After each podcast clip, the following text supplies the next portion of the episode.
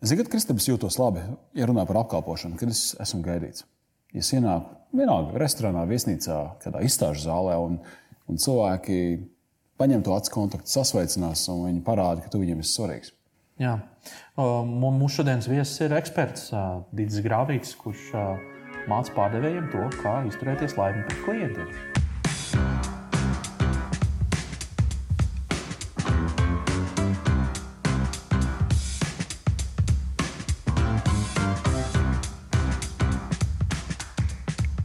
Ja mēs runājam par apkalpošanu, tad uh, komunikācija ir ļoti, ļoti svarīgs aspekts uh, šajā visā. Un uh, šodien mēs mēģināsim saprast, kas ir teicama apkalpošana un kā nonākt līdz tai.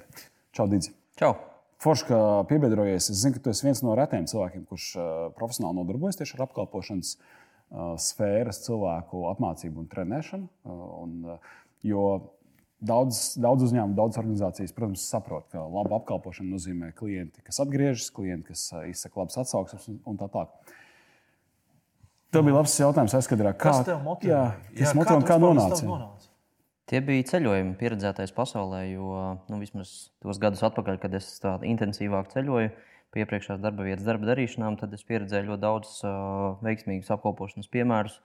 Un bija tāds jautājums, nu, kā mēs to varētu dabūt gatavu Latvijā. Nu, kāpēc mums tas ir viss tik sarežģīti, kāpēc mums tas klients bieži izskatās kā, kā problēma un kāpēc mēs ar viņu apietamies tik, tik slikti. Un tas bija kaut kāds 2010. līdz 2014. gads, kad tā apkalpošanas kultūra Latvijā vēl ne tuvu nebija tam, kāda viņa ir, ir tagad.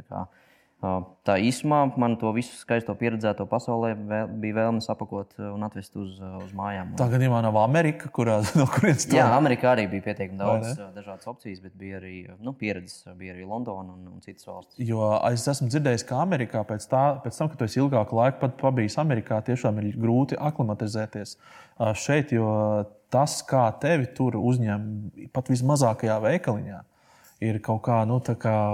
Tā ir. Man bija kaut kāds. Kaut kāda pieredze mēnesis dzīvojot um, tieši Lielbritānijā, un tad, jā, tu ej pa, pa vienkārši parastu pļauju, ej pa, pa ielām klusām, un tev nāk pretī pilnīgi svešs cilvēks, un tevi, tevi sveicina. Un, ja kurā kāpņu telpā, kur tu ieej, ja tevi sveicina, tad nu, Rīgā pēc manas pieredzes ļoti bieži ir tā, ka tev pat uh, kaimiņi nesveicina kāpņu telpā. Tad, uh, Nu jā, ir, ir daudz cilvēku, kas ir ilgāku laiku dzīvojuši ārpus Latvijas. Viņi atbrauc atpakaļ. Viņi saka, ka viņiem pirmās divas nedēļas ir depresija. Man pašam tāda divas reizes arī bijusi pēc ilgākas, ilgākas dzīvošanas ārpus Latvijas. Jo tu ej pa ielu, tu smaidi pozitīvs un liekas, ka tu tas pumuti dabūsi par to, ka tu tāds pozitīvs, priecīgs un tāds laipns esi. Tā kā, tā kā, jā. jā, nu, bet klausies, tu esi, nu, tā kā tu esi šajā sfērā, es domāju par cēloņiem. Kāpēc mums tā ir? Um, Ziniet, kā tur ir daudz dažādu cēloņu. Es, uh, es teiktu, ka viens ir noteikti arī kaut kāds izglītības uh, līmenis, uh, jo pēc būtības cilvēkiem skolā par šīm lietām nerunā un, un nestāsta. Nu, vismaz tajos laikos, kad, kad es mācījos un, un, un studēju, nebija runas kurs, nebija prezentācijas un pārējais. Tad mums ir arī kaut kāds baļu faktors, ko, mums, ko man izskaidro viena psiholoģija laiku atpakaļ. Jo Vēsturiski mums pāri, pāri gājušas dažādas tautas un nācijas. Attiecīgi, mēs uz svešiem cilvēkiem bieži skatāmies zemapziņā tādu sajūtu, ka uzbruks, neuzbruks, aiztiks, neaiztiks, darīs pāri vai nedarīs pāri. Un man tā vēlme ir teikt, ka mums nevajag kā, sākt aizstāvēties pirms mums kāds reāli sācis uzbrukt. Nevajag sajusties tā, it kā mēs būtu tumšā tunelī, kur nāk pretī bariņš ar nepazīstamiem cilvēkiem, un mēs uztaisām niknu seju, lai tikai mūs neaiztiek kaut kādā ziņā. Uh, Tie, tie cēloņi varētu būt, būt dažādi. Un arī kaut kāda kompleksa, protams, ir, ir cilvēki, kuri jūtas slikti tajā, ka viņš apkalpo kādu citu. Viņam ir tā sajūta, ka viņš tā kā pakalpo kādam, ka viņš būtu kā kalps. Nu, tā, tā ir arī viena no, no lietām, kas, kas manī pa laikam lien, lien ārā. Kas ir tavs tipiskais klients? Noraksturo lūdzu. Tā ir droši vien kaut kāda organizācija. Pamatā sākotnēji tās bija viesnīcas, restorāni, bāri un, un kafejnīcas, bet par cik Daudz pasaules uzņēmumi un arī daudz lielie uzņēmumi Latvijā ir sapratuši, ka viesmīlība un apkalpošana principā pārņem jebkuru nozari. Tā vairs nav tikai viesmīlības sfēra. Tad nu, jau strādājam arī bankām, autodīleriem, apdrošināšanas brokeriem, juridiskiem birojiem, pat IT uzņēmumiem. Jā, tie klienti šobrīd ir, ir dažādi un aizvien vairāk tieši ārpus viesmīlības nozares. Paraksturo, kā tu veic to saucamo lauku pētījumu, kā tu ieeji tajā birojā vai ieeji tajā autoservisā un, un kā tu pēti, kā, kā tu savāc kaut kādas uh, kaut kādus šos materiālus. Es saprotu, ka tas ir tāds darbs, ka nav tā, ka tu nostājies tāpels priekšā un tur māci, kā būtu pareizi tīri teorētiski, bet to arī tīri praktiski saproti, kāds ir tas. Jā, līmenis. ja mēs paņemam tādu pilno sadarbības modeli, kas tur varētu būt uz kaut kādu pusgadu vai, vai gadu ar kādu konkrētu uzņēmumu, tad, protams, tur ir diezgan dziļi izpēta pirms tam, pirms vispār darbinieki man ir iepazinušies. Jau tur ierodos kā inkognito viesis, patēloju viesi, paņem kādu auto, izbraukāt, pastos, kas notiek e-pasta komunikācijās. Pajautāju dažiem draugiem, kas zinu, kas ir klienti, kādi ir viņu komentāri, papētu Google reviews un, un, un citas atsauksmes. Uh, vietas. Tad, nu, tā ir tā sākotnējā izpēta. Un tad, protams, tu dodies uz tikšanos, tu stāsti par to pieredzēto. Ļoti bieži arī vadītāji piemetina klāt vēl kaut kādus gadījumus, kas ir notikuši. Un tad mēs izjūtam no tā, ko viņi vēlās saņemt. Tā, ir kas vēlās tur īstermiņa rezultāts, ir kas saprot, ka apkalpošanas kvalitāti nevar vienā dienā sasniegt, saprot to ilgtermiņa rezultātu. Tad mēs liekam solīšus pa solīt pa solītim. Un, principā, tā pirmā reize darbiniekiem ir tāda tā kā satuvināšanās, iepazīšanās reize, kad es nodibinu viņiem kontaktu, iegūst kaut kādu cieņu, respektu, kad viņi ir manī gatavi klausīties. Un tad tikai kaut kādās otrajās, trešajās apmācībās es, es ķeros klāt pie tādām nopietnākām lietām un pasaku to, ka paklau čalīšu un dāmīts jūs, jūs pietiekami daudz lietas darat nepareizi vai, vai nedarat vispār. Jo, nu, jā, ja es aizietu tur pirmajā dienā un vienkārši pateiktu, ka šeit viss ir slikti, tad, protams, cilvēki to uztver ļoti, ļoti personīgi un, un aizvainoti. Tā, un, tā. Mums bija tāda pieredze. Tā tas ir. mums bija pieredze inženieru uzņēmumā, kur mēs aizgājām pateicām pēc pusstundas novērojumiem, ka jūsu komunikācija ir tāda, tāda, tāda. tāda. Principā mūsu sadarbība beidzās. Jā, jā man ir šādi piemēri tā. bijuši, kad man uh, konkrēts... Kā tu labi gribēdams, vai ne?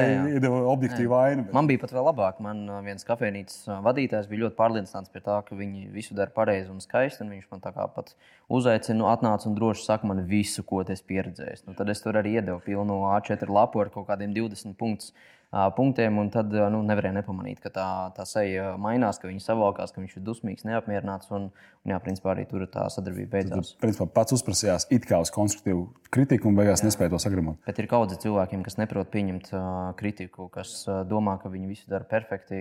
Pat ja viņi zina, ka viņi tā nedara, viņiem ir kaut kāds tāds personības komplekss vai kas tamlīdzīgs, kas neļauj viņam uztvert to, to kritiku, bet spēt uztvert kritiku un paskatīties uz, uz savām kļūdām un tām lietām, ko tu dari nepareizi, man liekas, ir vitāli svarīgi. Jo tu vari sākt jaunu dienu tieši, tieši šodien, nevis pērties par kaut kādiem veciem paradumiem un iemaņām.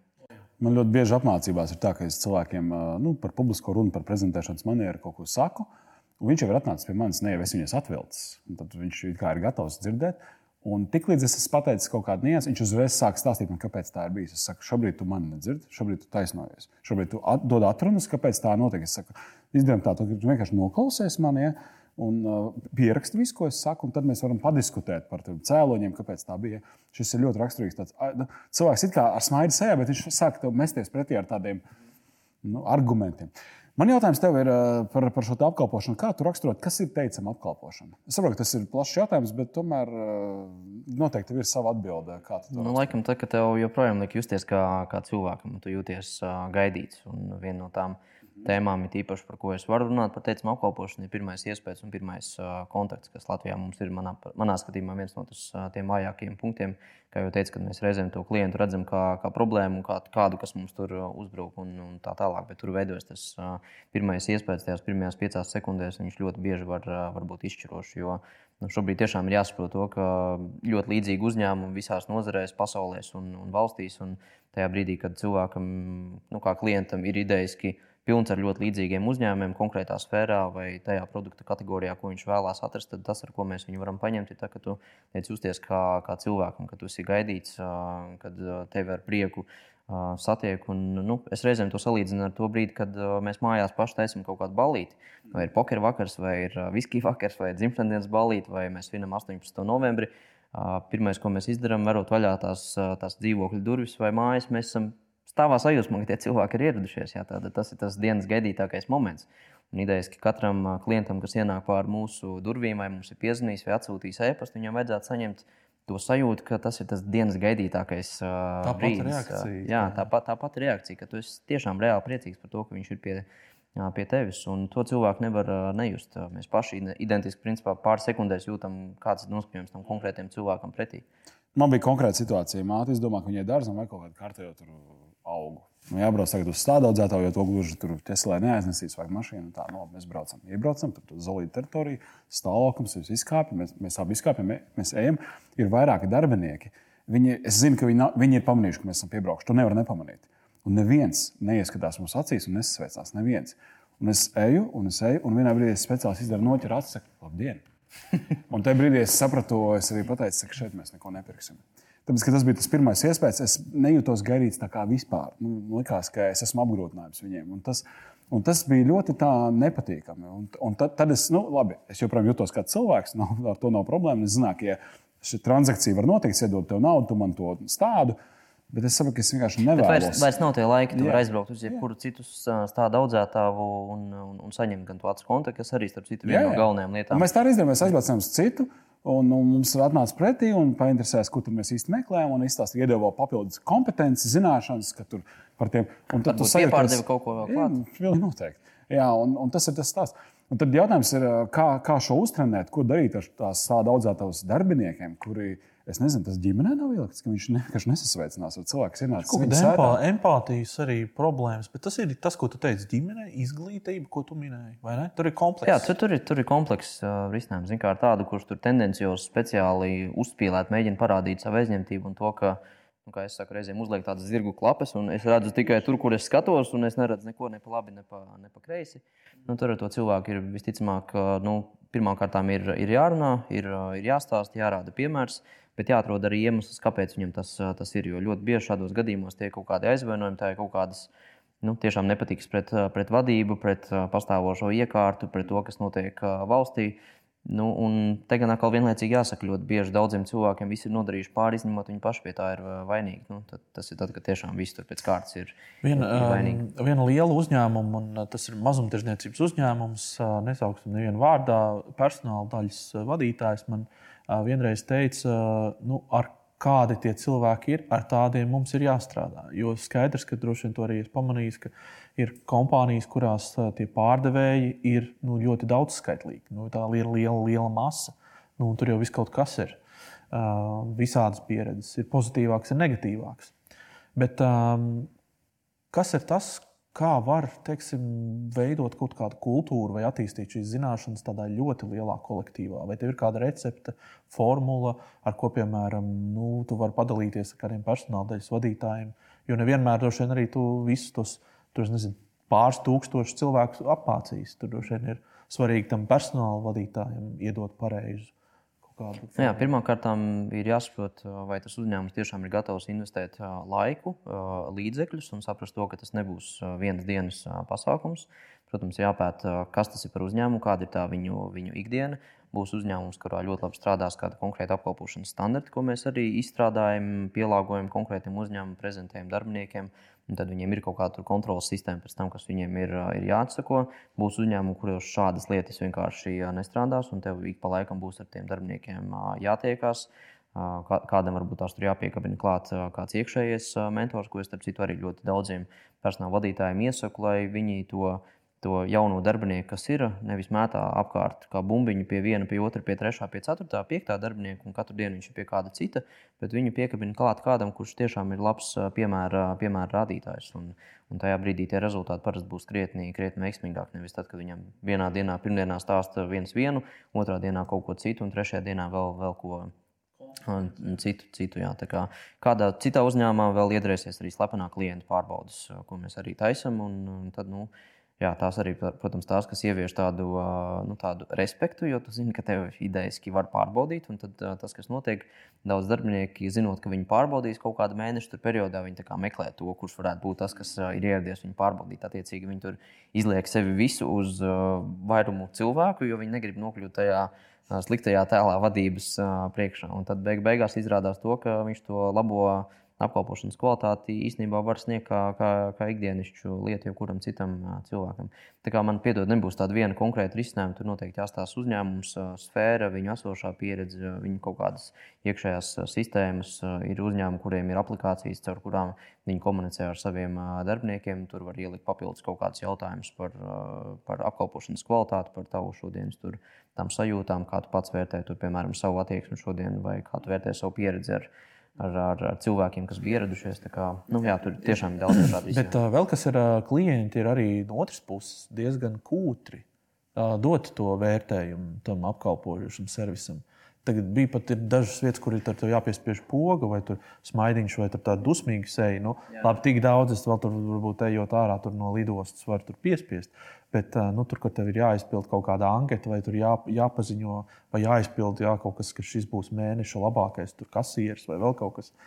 Daudz cilvēku to nedara. Tas, o jā, nu, nav tā... zin, tas, kas aizņem tev laiku un prasa tev papildus kaut kādu enerģiju no tevis, tas, protams, vienmēr ir, ir sarežģītāk. Bet tas, kur cilvēki pilnīgi noteikti bez jebkādām problēmām veltīs savu laiku, enerģiju, būs tiem sliktajiem komentāriem. Un, un tam, tam, tam cepienam, kas viņam prātā sūdzībai, jā, kas viņam varētu būt prātā. Viņš var nosēdēt stundu un rakstīt garus atcerējumu par visu to, kā tik viņam tur nenodarīja pāri.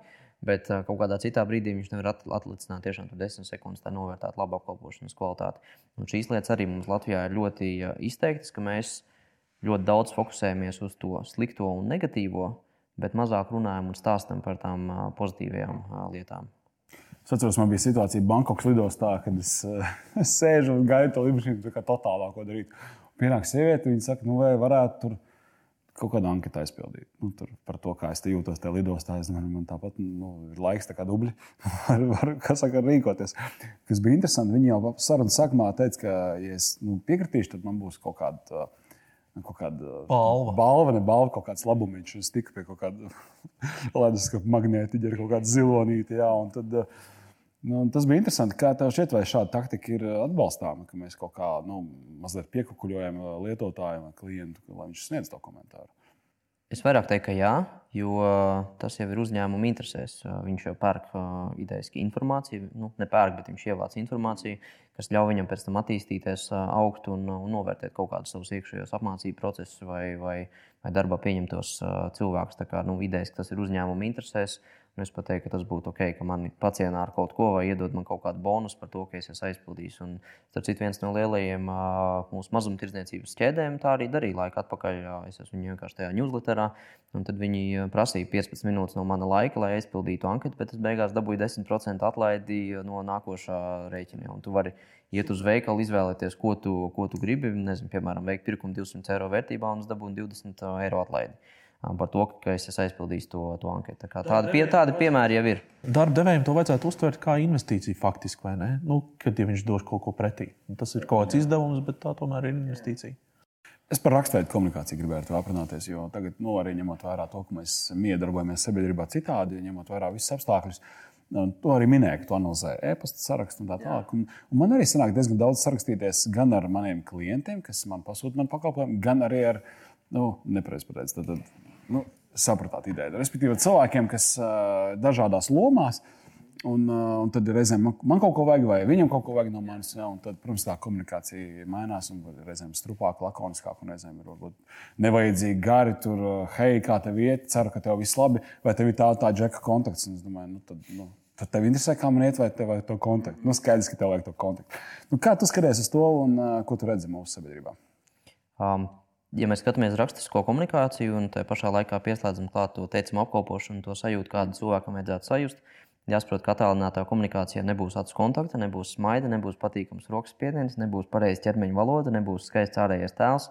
Tātad to ieroču, kā tev idejaski iepatikties tam potenciālam klientam vai sadarbības partnerim vai, vai vienkārši lojālam esošam cilvēkam, tev, tev nav viņa vienkārši vairāk. Attiecīgi tajā komunikācijā diezgan daudz uh, lietas izšķirās no sīkumiem. Piemēram, lieto vai nelieto tur komatus, pieturzīmes, lielos burtus, mazos burtus. Piemēram, es ļoti, ļoti ātri atceros, ja uzrakstu manu vārdu ar mazo burtu, vai man uzraksta tu ar mazo burtu. Ja? Man tas liekas, nu, tāds uzreiz par cilvēku pasaka par viņu kaut kā tādu. Nu, varbūt tās nepareizi, bet man tas liek secināt par viņu kaut kādu izglītības eh, līmeni, vai arī par viņu attieksmi pret mani kā, kā cilvēku. Tad, ja tu nevari veltīt laiku un nospiest lielo burtu manam, manam vārdam, tad visticamāk, nu, kaut kas līdz galam tur, eh, tur, tur nav. Tā, kā, nu, jā, tā, tā tālināta komunikācija gan, gan e-pastos, gan WhatsAppos. Nu, WhatsApp principā šobrīd ņem, ņem virsroku. Aizvien vairāk uzņēmumiem ir tie biznesa konti, un WhatsApp principā paliek aizvien, aizvien dominējošāks. Es domāju, ka pēc kādiem pieciem gadiem e-pasta būs kaut kas līdzīgs kā faksam. Kā fakts bija laika. Nu, es nesaku, ka tas ir tāds prognozējums. E-pastam nāvi ir prognozējuši jau ļoti daudzi, un daudzus gadus pēc kārtas. Pagaidām redzam, ka e-pasts ir faktiski pēdējais no kāds vairs. Viņš var iziet no Facebook, no visa, visa bet e-pastu viņš atstās. Bet, nu labi, tas ir cits stāsts. E-pastu mēs izmantojam arī vienkārši, lai autorizētos dažādos servisos un tos izmetam. Kā tu skaties, tas varbūt mazliet no apkalpošanas, vienkārši aizdomājies par to WhatsApp sarakstu un visiem šiem čatiem, ka cilvēki nu, uzkrītoši daudz lieto tās emociju zīmes Un, uh, man, man tā reakcija, ja, ja, ja tev aizvaino tur mazā burbuļu lietojums vārdā vai tu un tā tālāk, tad man atkal vienmēr šķiet, ka nu, tev burbuļu žēl. Nu, vai tev ir tāda steiga, ka tu nevari nevar uzrakstīt pilnvērtīgu ziņu. Ka, tas ir kaut kāds tāds mūsdienu fenomens, ar kuru jāsamierinās un man be, jā, jābeidz cepties? Vai tomēr tur ir kaut kādas. Uh, es, es viņam visu laiku emociju zīmēs. Nav tik traki, tur normāli raksta. Tā kā tev ir slinkums, tu raksti man audio ziņu līdzīgi ar es.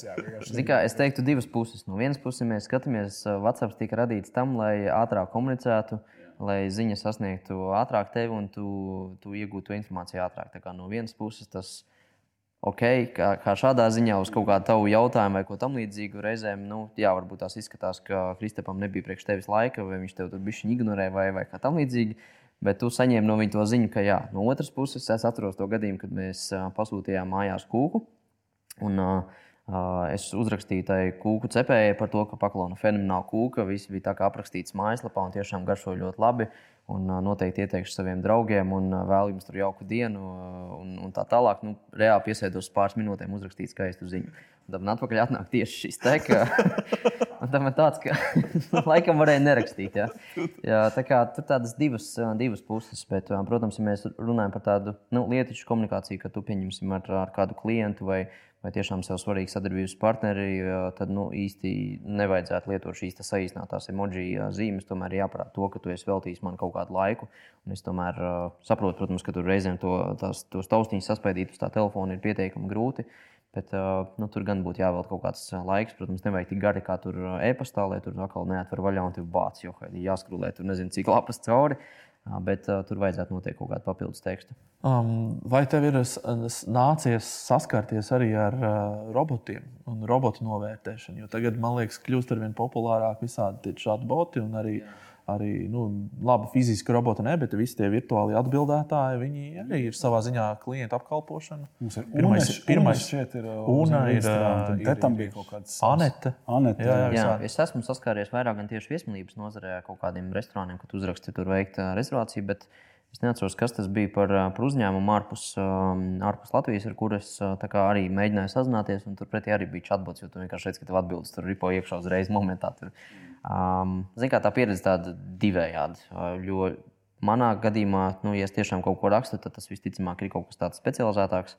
Un tad tas chatbots principā ļoti bieži nes, nespēja tomēr atbildēt, tāpat tās beigās tas nonāk līdz kaut kādam sporta menedžerim. Protams, ja es gribu restorānā norezervēt galdiņu, tad visticamāk tas chatbots tiks ar to galā un to varēs, varēs iz, paveikt.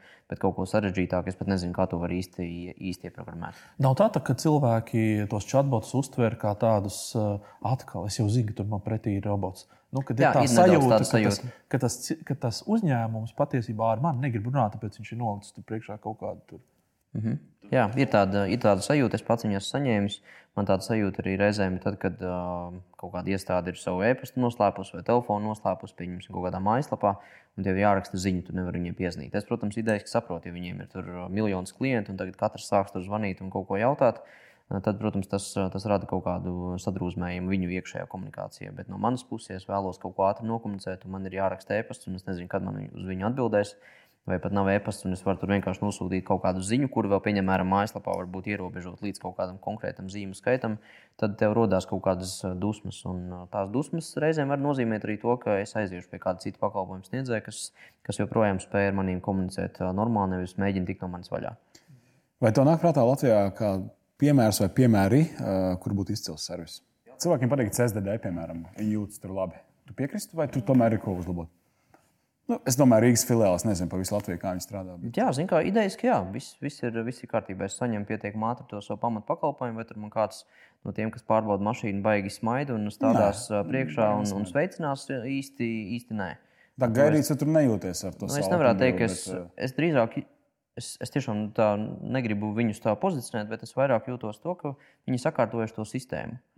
Viņi tā tad izdarījuši to, bet vai es tur jūtu kaut kādu pārlieku lielo viesmīlību, es teiktu, ka, ka ne. Bet tas viņi labi- nākamais solis teorētiski, piemēram, viņiem būtu sakārtot drusku to attieksmes uh, Nu, momentu. jā, lai tu pret jūties klientu. tā vēl tā kā gaidītāks. Es nezinu, kas tur nākotnē ir gaidāms ar to, ka tos tehniskās apskates varēs veikt vēl dažādās citās vietās. Laikam bija tur tāds likums kaut kāds, kaut kur, kas, kas, kas uh, radīsies, un tad varbūt tās CSDD būs. Būs jākonkurē ar dažādiem autoservisiem, un tad varbūt tās būs tieši jāieslēdz šī lieta iekšā, to, ka brauc joprojām pie mums, un te tev vēl pacienāsim ar, ar kādām citām, citām lietām. Praksē ir tā, ka tie monopolisti vai tie, kas nu, labi, vairs it kā nav monopolisti tādā klasiskā izpratnē, bet, protams, ka nu, viņi ir vislielākie tirgus spēlētāji. Nu, viņi ir arogantāki par tiem, kuriem ir baigā konkurence. Tur te, te tirgu. Mm -hmm. Tas ir tā, tā ir realitāte. Jā? Jā, es uh, neminēšu šajā gadījumā gan uzņēmumu, bet tā ir viena konkrēta banka, kurā es vēl kaut kādu nezināmu iemeslu dēļ joprojām esmu uh, klients. Uh, ļoti liela. varam padomāt Jā, ļoti, ļoti liela banka, bet nu, tā mana pieredze pēdējos pāris gadus ir diezgan, diezgan slikta. un Diezgan bieži es redzu dažādus draugus, paziņas, kas arī ieliek pa kādam sulīgākam komentāram internetā, Facebookā vai, vai kur citur par to, ka nu, jā, attieksme ir šausmīga, attieksme ir krimināla un, un tā tālāk. Tā kā jā, es kaut kur esmu pamanījis to, ka tie lielie, kas tā kā, nu, jūtās lieli, tad viņi var tur nu, tā kā, nu, tā uzvesties tā nedaudz virspusīgāk un tā visdegunīgāk pret, pret tevi. Mm, Bet ā, tajā pašā laikā noteikti ir arī uzņēmumi, kas, kas ir lieli, kas ir monstri, bet viņi redz to tālāko vīziju. Viņiem ir arī kaut kādi brīvie, brīvie līdzekļi, lai nu, tā apmācītu gan darbiniekus, gan iet uz priekšu, gan paskatītos, kas notiek pasaulē, ar ko strādā visi lielie pasaules monstri, gan Amazon, gan Apple. Piemēram, ja? Apple ir man liekas, viens no izslavētākajiem uzņēmumiem ne tikai no tā, ka tev ir ērta, ērta ierīce, bet arī to, ka tev ir tiešām izcila, izcila apkalpošanas kvalitāte. To es esmu dzirdējis no visiem cilvēkiem ārzemēs, un tie paši Apple veikali, kas, ā, kas ir dažādās metropolēs pasaulē. Nu, tu ienāc iekšā, un tur ir vēl 300 cilvēki, bet tu jūties reāli gaidīts. ā, Un, jā, protams, tas viņiem prasa konkrēti daudzumu ar cilvēkiem, tiem asistentiem, kas tev tur sagaida, apčupina, visu smuki parāda. Bet, ja pat tu neesi iPhone fans, es ticu, ka ir cilvēki, kas iziet ārā ar to, ka man, man viņu vajag, jo nu, es sajūtos tieši, tieši tik, tik jauki. Tā kā jā, Apple ir viens no lielākajiem pasaules monstriem, un, un jā, tur ir arī teicama Jā. tā. Noslēdzot mūsu sarunu, varbūt tev kāds vēlējums ir mūsu skatītājiem un klausītājiem. Par ko padomāt? Vienalga, kurā pusē lai viņš būtu, vai viņš būtu klienta pusē vai Jā. apkalpotāja pusē. Ko viņš varētu paņemt no šīs dienas sarunas un sākt šo Jā, mans pēdējā laika tāds ieteikums ir, nu, tas tāds varbūt tās kliedzošs, bet ā, doties ar katru klientu kā uz randiņu. Oh, okay. Kāpēc uz randiņu? Tāpēc, ka randiņš pēc būtības ir tas, kurā mēs parasti dodamies skaisti sapucējušies, cenšamies parādīt sevi no labākās puses, aiznest tās labākās emocijas par, par sevi. Un, ja mēs pieņemsim, dodamies uz to tikšanos vai sagaidām kādu klientu pie, pie sevis, un mums prātā ir tā mazā sajūta, ka šis ir tas randiņš vai tas dienas gaidītākais mirklis, tad es domāju, ka mēs ļoti daudz lietas izdarīsim pašsaprotami. Bet, ja prātā būs tā sajūta, ka pie maniem tur brauc tas un šis, vai atkal man jākaratās uz turieni, lai satiktu to, to un šito, tad, protams, cilvēki to ļoti ātri, ātri sajūta. Tā kā, Es teiktu, ka jā, dodamies biežāk uz, uz randiņiem. Teicam, un mēs ar jums tiekamies nākamajā randiņā, nākamajā dienā pēc epizodē. Vislabāk! Visu labi! Paldies!